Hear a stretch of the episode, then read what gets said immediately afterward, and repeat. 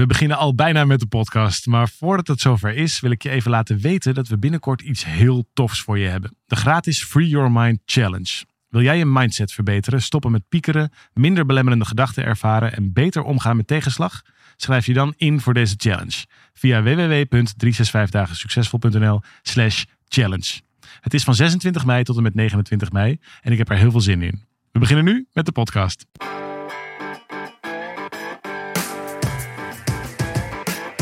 Van harte welkom bij deze podcast van 365 dagen succesvol. Wij zijn David en Arjan en we delen in deze podcast de eye-openers die cruciaal zijn voor een gelukkiger leven. Van harte welkom bij weer een, nieuwe terugblik op de afgelopen week. En er is natuurlijk ontzettend veel gebeurd, ook eh, allerlei toestanden in de wereld. Maar deze week tijd voor iets heel anders. Namelijk waar ik het graag met je over wil hebben, is over de liefde. En daarom heb ik in plaats van mijn geliefde compagnon Arjan Emanuela uitgenodigd voor de podcast van deze week. Surprise. Emanuela, van harte welkom. Schrijfster van het boek Oneindige Liefde. Wat al eventjes in de winkels ligt en het gelukkig hartstikke goed doet. Leuke reacties Ja. op. Ik zag op een gegeven moment heel Facebook vol met allemaal mensen die ook de cover gingen laten zien. Ja. Dat vind ik zo grappig. Ja, prachtig. Het is ook een hele mooie cover, dat snap ik wel. Maar uiteindelijk gaat het natuurlijk over de inhoud van het boek. Maar het is ook leuk om eh, support te, te voelen daarop. Nou, voordat we daar allemaal over gaan, eh, gaan hebben, nog even de praktische mededelingen. Mocht je dit nou wat vinden of er iets van vinden, deel het dan alsjeblieft met ons. Deel het op je sociale media. Als je deze podcast of deze aflevering boeiend vond, deel het alsjeblieft. Daarmee maken we samen met elkaar van Nederland het gelukkigste land van de wereld. En weet dat je je ook kunt abonneren op je favoriete podcast-app op onze wekelijkse podcast. Want dan krijg je netjes een melding van iedere week bij je binnen. Vinden we fijn. Dan maken we het in ieder geval niet voor niks. Nou, maar eens even kijken. Het onderwerp van deze week. Er is zoveel toestand in de, in de wereld. Ik dacht, laten we het gewoon eens over de Toestanden liefde. hebben. Nee, over andere toestanden hebben. Nee, over de liefde hebben. Je weet je, ik zat te denken, we hebben het over eh, pandemie en Ja. over COVID deze dagen. En het is behoorlijk eh, onze leven omgegooid eh, afgelopen jaar. Uh, maar waar ik denk dat een grotere pandemie bestaat eh, in, in de wereld al jarenlang. Dat is de crisis en de scheidingen tussen echtparen. Niet altijd per se slecht toch als mensen Niet. uit elkaar gaan. Absoluut niet altijd. Maar je wil niet weten hoeveel mensen komen bij mij. Een prachtige, intelligent, liefdevolle mensen die, die uit elkaar kunnen gaan, om, eh, gaan eh, beslissen te gaan omdat ze niet weten hoe verder. Dat ze de hangwater, de gereedschap niet, weet, niet, niet Mhm. hebben om verder te, te gaan. Misschien is de werkelijke pandemie wel, want dan nog steeds, eh, als je niet weet hoe je verder moet gaan, is het nog steeds wel een goede reden om uit elkaar te gaan. Kan ik me voorstellen. In ieder geval als je de antwoorden niet vindt. Het lijkt me zonde van de tijd om kosten wat het kost bij elkaar te moeten blijven. Dat lijkt me pas echt vergif. Maar wat misschien wel de werkelijke pandemie is, zijn de kinderen die daar slachtoffer van zijn. Een kind, ik hoorde dat laatste in een eh, psychologisch onderzoek, vond ik wel interessant. Dat kinderen van een bepaalde leeftijd, zo wat jongere kinderen, die hebben nog het besef dat de wereld ja, hun wereld is nog vrij klein. Dus hun wereld draait, zou je kunnen zeggen, wat meer om, om henzelf. Ze zijn gewoon in, in hun eigen En- wereld bezig. En de heel- omgeving. exact. Dus die, Mhm. die en, eh, ik stel me dan, eh, nou, het voorbeeld was een jongetje van vijf. Nou, dat raakte me, want eh, wij hebben ook samen een jongetje eh, Ja. van vijf. En nog een paar andere kinderen. Maar in ieder geval ook een jongetje van vijf. En in zijn wereld, dan kijkt hij zo om zich heen. En dan, dan, ja, hij, zit, hij speelt ook echt in die eigen wereld. In die eigen wereld heeft hij een papa en een mama. En dan zouden papa en mama nog zo goed kunnen uitleggen waarom papa en mama vinden dat ze misschien niet meer bij elkaar zouden moeten blijven. Of papa heeft een ander, of noem maar wat. Zou je allemaal kunnen uitleggen. Alleen in het wereldbeeld van dat kleine jongetje blijkt dat hij altijd dat zal relateren aan zichzelf. Dat hij altijd De zichzelf, reden is voor? nou nee, dus zichzelf de schuld zal geven Ja. van die situatie. Want het is namelijk zijn wereld. Dus in zijn wereld gaan papa en mama dan uit elkaar. En hoe goed je dat als ouders ook begrijpt en dat zou willen uitleggen. In de wereld van kleine kinderen, van jonge kinderen, is dat dus eigenlijk niet uit te leggen. En Nee. dat is een, een pandemie. 70.000 kinderen per jaar. en 70.000 kinderen Nederland. per jaar in Nederland. Alleen in Nederland krijgen te horen dat hun ouders uit elkaar gaan. Ja.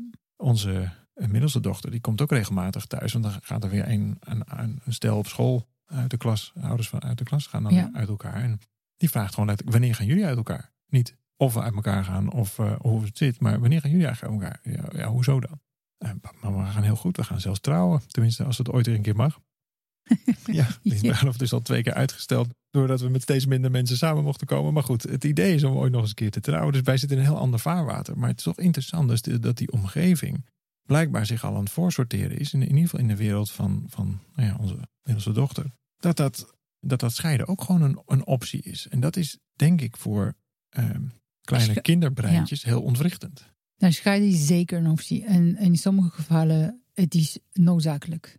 Alleen wat ik jammer aan vind, is de mensen die zich hebben gescheiden omdat het niet beter wisten. Mhm. Omdat niet wisten hoe liefde werkt, omdat ze hadden geen goede voorbeelden, ze hadden geen goede support, of niemand een echt goede voorbeeld of. of Ze deden maar wat. en, het- daar, en daarom ja. kom je natuurlijk op een punt. En, en waarom weet ik dat zo, zo helder? Wij hebben precies op datzelfde punt gestaan. Ook jij en ik hebben op een gegeven moment na tien jaar relatie op het punt gestaan. En drie kinderen verder. Op het punt gestaan van en zo kan het niet meer. En zo gaat het ook niet meer. Gelukkig waren we wijs genoeg om in plaats van dan definitief uit elkaar te gaan. Om om hulp te vragen. En dat was, daar, ja, daar zijn we gewoon veel te laat mee geweest. Als ik, als ik daar nu op terugkijk, dan, dan denk ik, ja, dit hadden we gewoon veel en veel eerder moeten doen. Er was heel veel achterstallig onderhoud. En dat is wat ik bedoel. Dat mensen, mensen zijn te laat met in actie komen. Dus de hoop dat het iets vanzelf gaat veranderen, is eigenlijk de grootste probleem dat mensen tot een oplossing komen. Omdat in de liefde, liefde is geen mysterie eh, niet meer. De, vroeger mensen en Shakespeare. Nou, alle films gaan het er ook over. Ja, het alle- gaat allemaal over het ontmoeten van de ware. Hè? Dus Het grote mysterie ja, van, van de liefde. Maar ook dat het, dat het iets dat je overkomt, it like steals you from. Eh, het is um, het is all powerful, you know, all powerful power. En in het begin zeker, het is ook zo. We zijn, we flushed with hormones. Uh, Ja. Onze lichaam is drugged uh, from a en cocktail. je voelt je even heel erg bijzonder, heel erg speciaal, heel erg goed. En dan is dat na een tijdje weer gewoon. En dat is inderdaad heel even. Dat is het tussen drie, drie à 18 maanden ongeveer. Is je lichaam echt helemaal eh, een superwoman, superman. Dat gevoel. En je ziet jezelf in de ogen van iemand die volledig adoreert. Het is een hard drug. Het is bewezen dat eh, het is precies hetzelfde eh, gedeelte van ons brein die licht gaat eh, als je verliefd bent met hetzelfde gedeelte van het brein als je op harddrugs bent. Dus die, we zijn really... Ja, ja chemisch, chemisch gezien reageren we gewoon als een, als een heftige verslaafde op dat, op dat hele verliefde stuk. Nou vind ik dat we hele verliefd zijn ook maar mateloos ingewikkeld. Want je, je raakt ook echt bij jezelf weg. Je bent ook echt even biochemisch iemand anders. Eh, maar ik vond het wel mooi wat je daar zei. hè. Love is not a mystery. Dat, eh, daar begon je mee, maar je schrijft in je boek, ik heb het even bijgepakt. Love is not a mystery, love is a mastery. Ja. Dus love is not a mystery anymore. Dus eh, het is niet iets dat wij niet kunnen begrijpen. Misschien onze opa's en oma's en overgro- overgrootopa's en oma's en Shakespeare niet wisten. Maar wij gelukkig ehm, leven in een tijden waar de wetenschap zo advanced is. Waar therapie bestaat. Eh, relatietherapie is ook heel jong. Dat is betrekkelijk een jong vakgebied, ja. Ehm, waar wij voor het eerst snappen hoe ehm, de mechanics van liefde. En als je dat begrijpt, als je dat leert en als je dat toepast, omdat alleen leren eh, doet niks.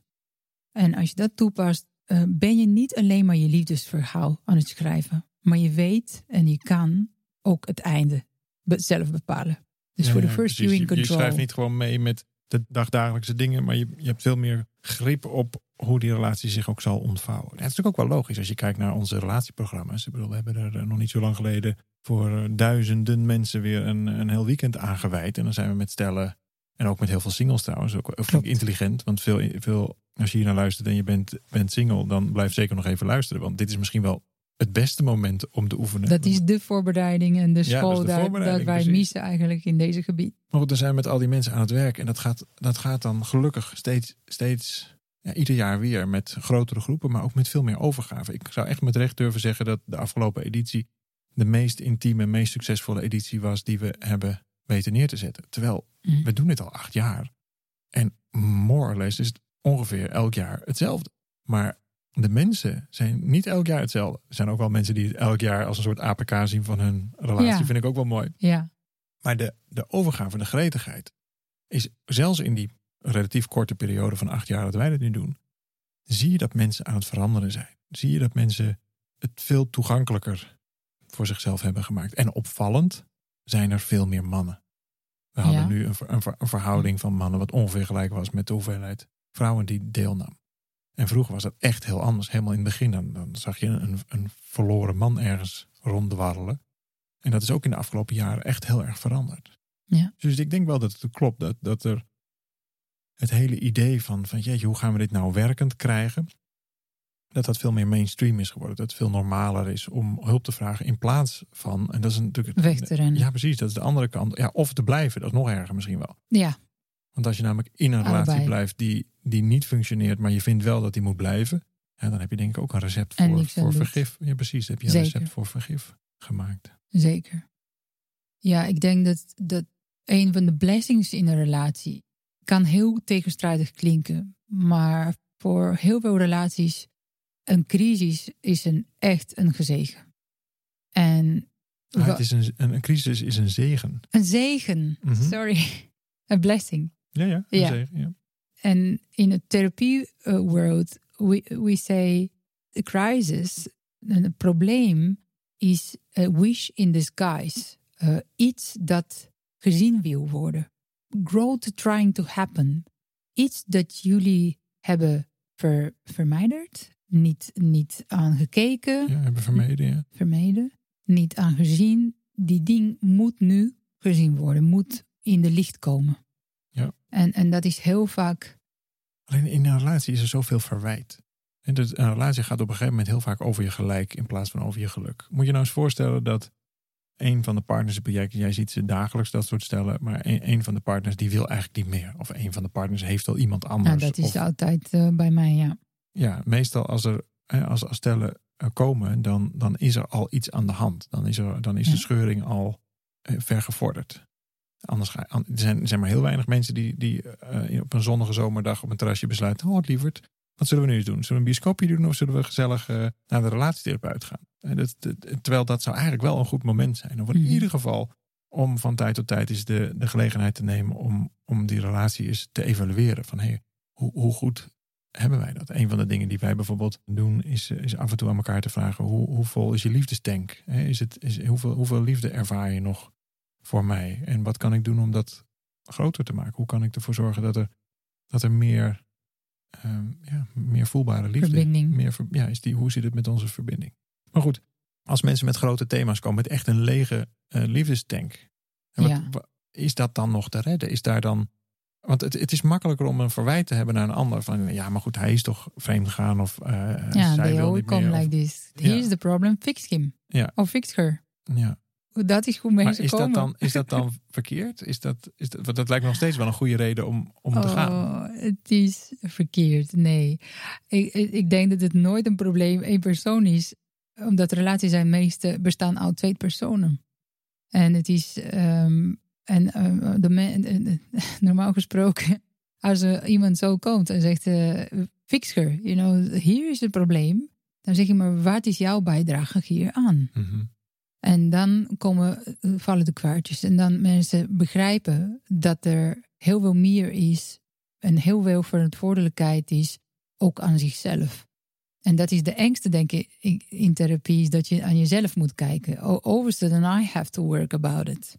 En ja, het, het- het- Maar goed, het is ook logisch. Een relatie bestaat toch uit twee? Het is toch. alleen we zien het probleem altijd in die ander. Maar wat nou als dat echt zo is? Bedoel, wij hebben natuurlijk ook jarenlang elke zes weken en nog steeds bij Ja. een relatietherapeut op een bank gezeten. Ja, Of op een stoel in ons geval. En ik ga er nu met heel veel plezier naartoe. Daar hebben we het eerder ook wel eens over gehad.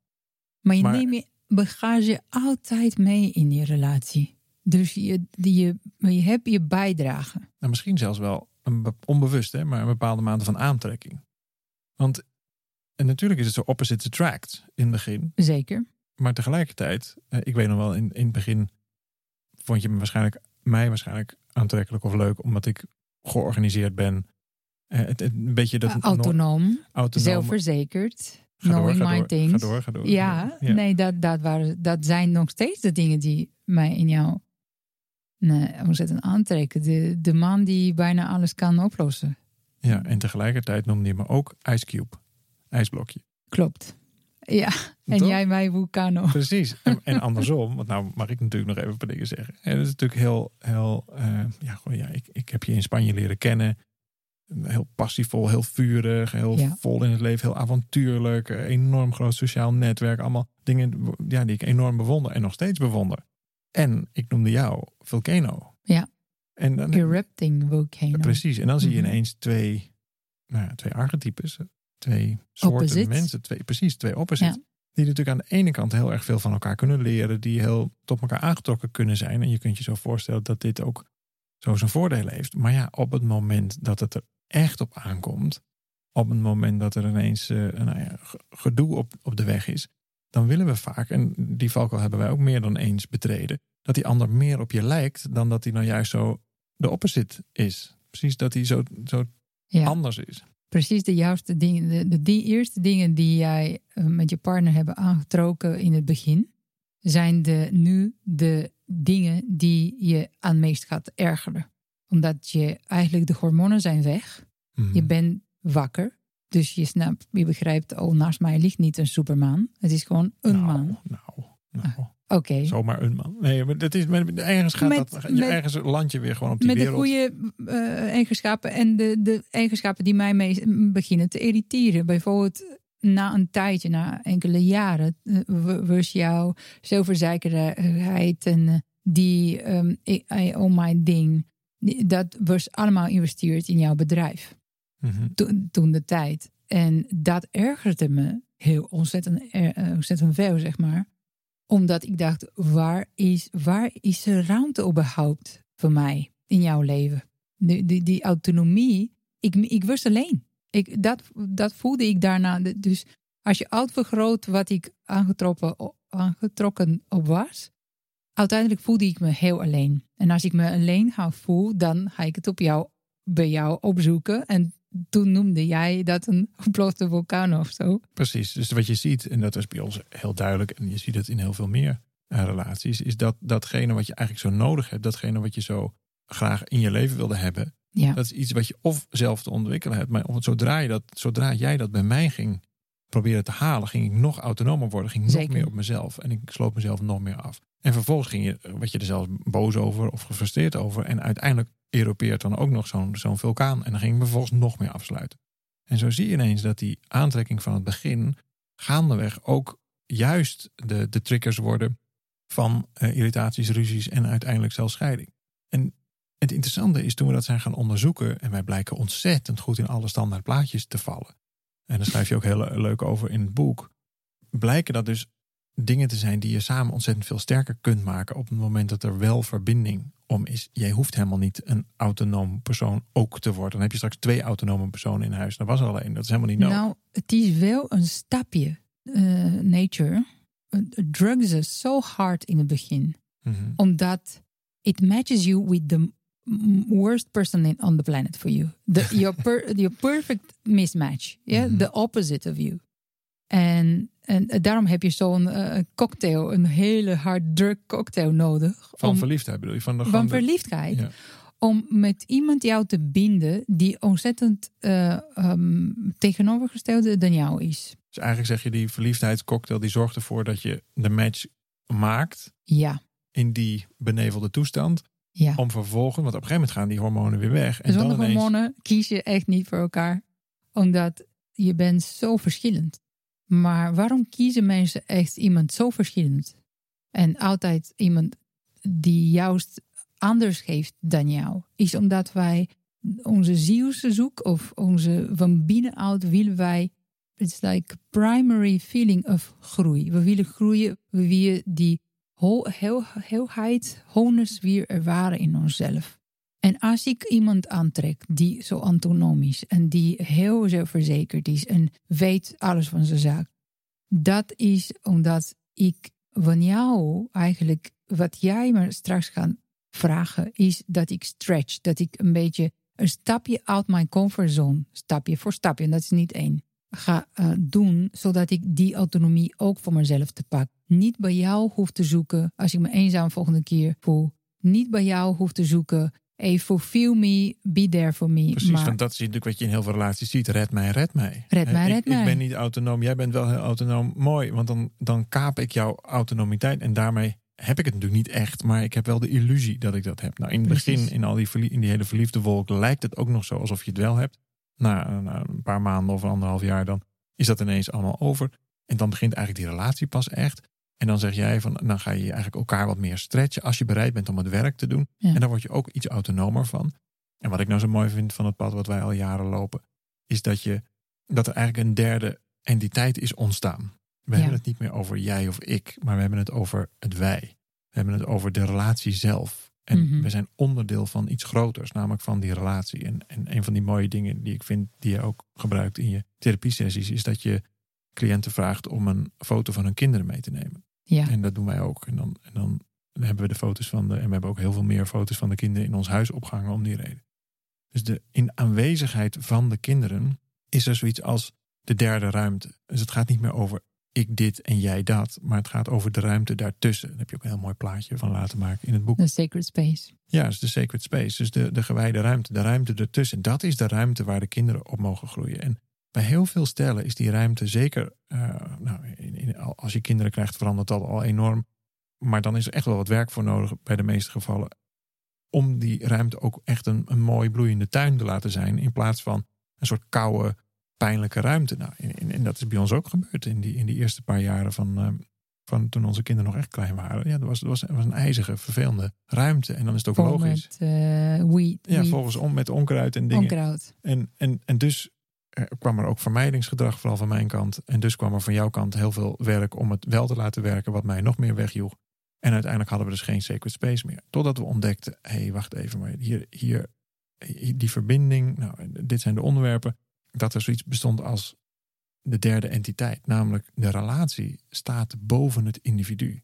De relatie Ja. zelf is wat je voor 100% verantwoordelijkheid voor draagt. Nou, op het moment dat je dat maar een beetje begint te ervaren, dan is therapie echt niks anders dan de personal trainer eh, van de sportschool. Dan is het echt niks anders dan een blessing in disguise. Dan is elke vorm van investering in die relatie automatisch ook een investering in elkaar en dus in jezelf. En is Ja. het dus de ruimte, en dat vind ik zo mooi met die foto's van die kinderen, dan is dat de ruimte waar de kinderen mogen opgroeien. En daar wordt iedereen beter van. Dat is voor jou beter, voor mij beter, voor de kinderen beter. En dat is volgens mij de essentie, ook waar je boek over gaat. Dat is de essentie waar, waar, waar het hele 365 verhaal over gaat. Namelijk dat het niet over jou gaat, maar over iets wat groter is dan jezelf. En als je Klopt. dat begint te ervaren, dat is zo ontzettend bevrijding. Ehm, daar, daar, en dan kun je namelijk aan iets gaan bijdragen. Dat geeft je leven zin. Dat geeft heel veel andere eh, mensen ook het, het gevoel van liefde, stromende liefde, eigenwaarde, ergens onderdeel van te zijn. Ehm, en zo denk ik dat we, dat we de wereld echt een heel stuk mooier kunnen maken als we dit verhaal verder naar buiten weten te brengen. Dankjewel voor eh, deze week. Dankjewel voor je mooie boek Oneindige Liefde te verkrijgen op de prachtige firma bol.com en alle betere boekhandels. Ehm, leuk als je nog even laat weten wat je daarvan eh, van vindt. Oneindige Liefde, geschreven door Emanuele Dejanova. En eh, dankjewel dat je hier was, uh, lieverd. Dankjewel. Leuk, ja, leuk toch? Dankjewel voor de uitnodiging. Super leuk met jou. En ehm, ja, dat is, is wederzijds. En dan gaan we gewoon weer kijken naar eh, de volgende week. Dan zitten we hier weer hoogstwaarschijnlijk gewoon weer met Arjan Vergeer. Want die begint zijn plekje zo langzamerhand een beetje te missen. Kan ik me zo voorstellen. Wij zijn er gewoon weer. Laat ons weten wat je ervan vindt. Deel het. Schrijf ons. Mail ons. Doe je ding ermee. En dan zitten we er volgende week weer. Tot dan. Hartelijk dank.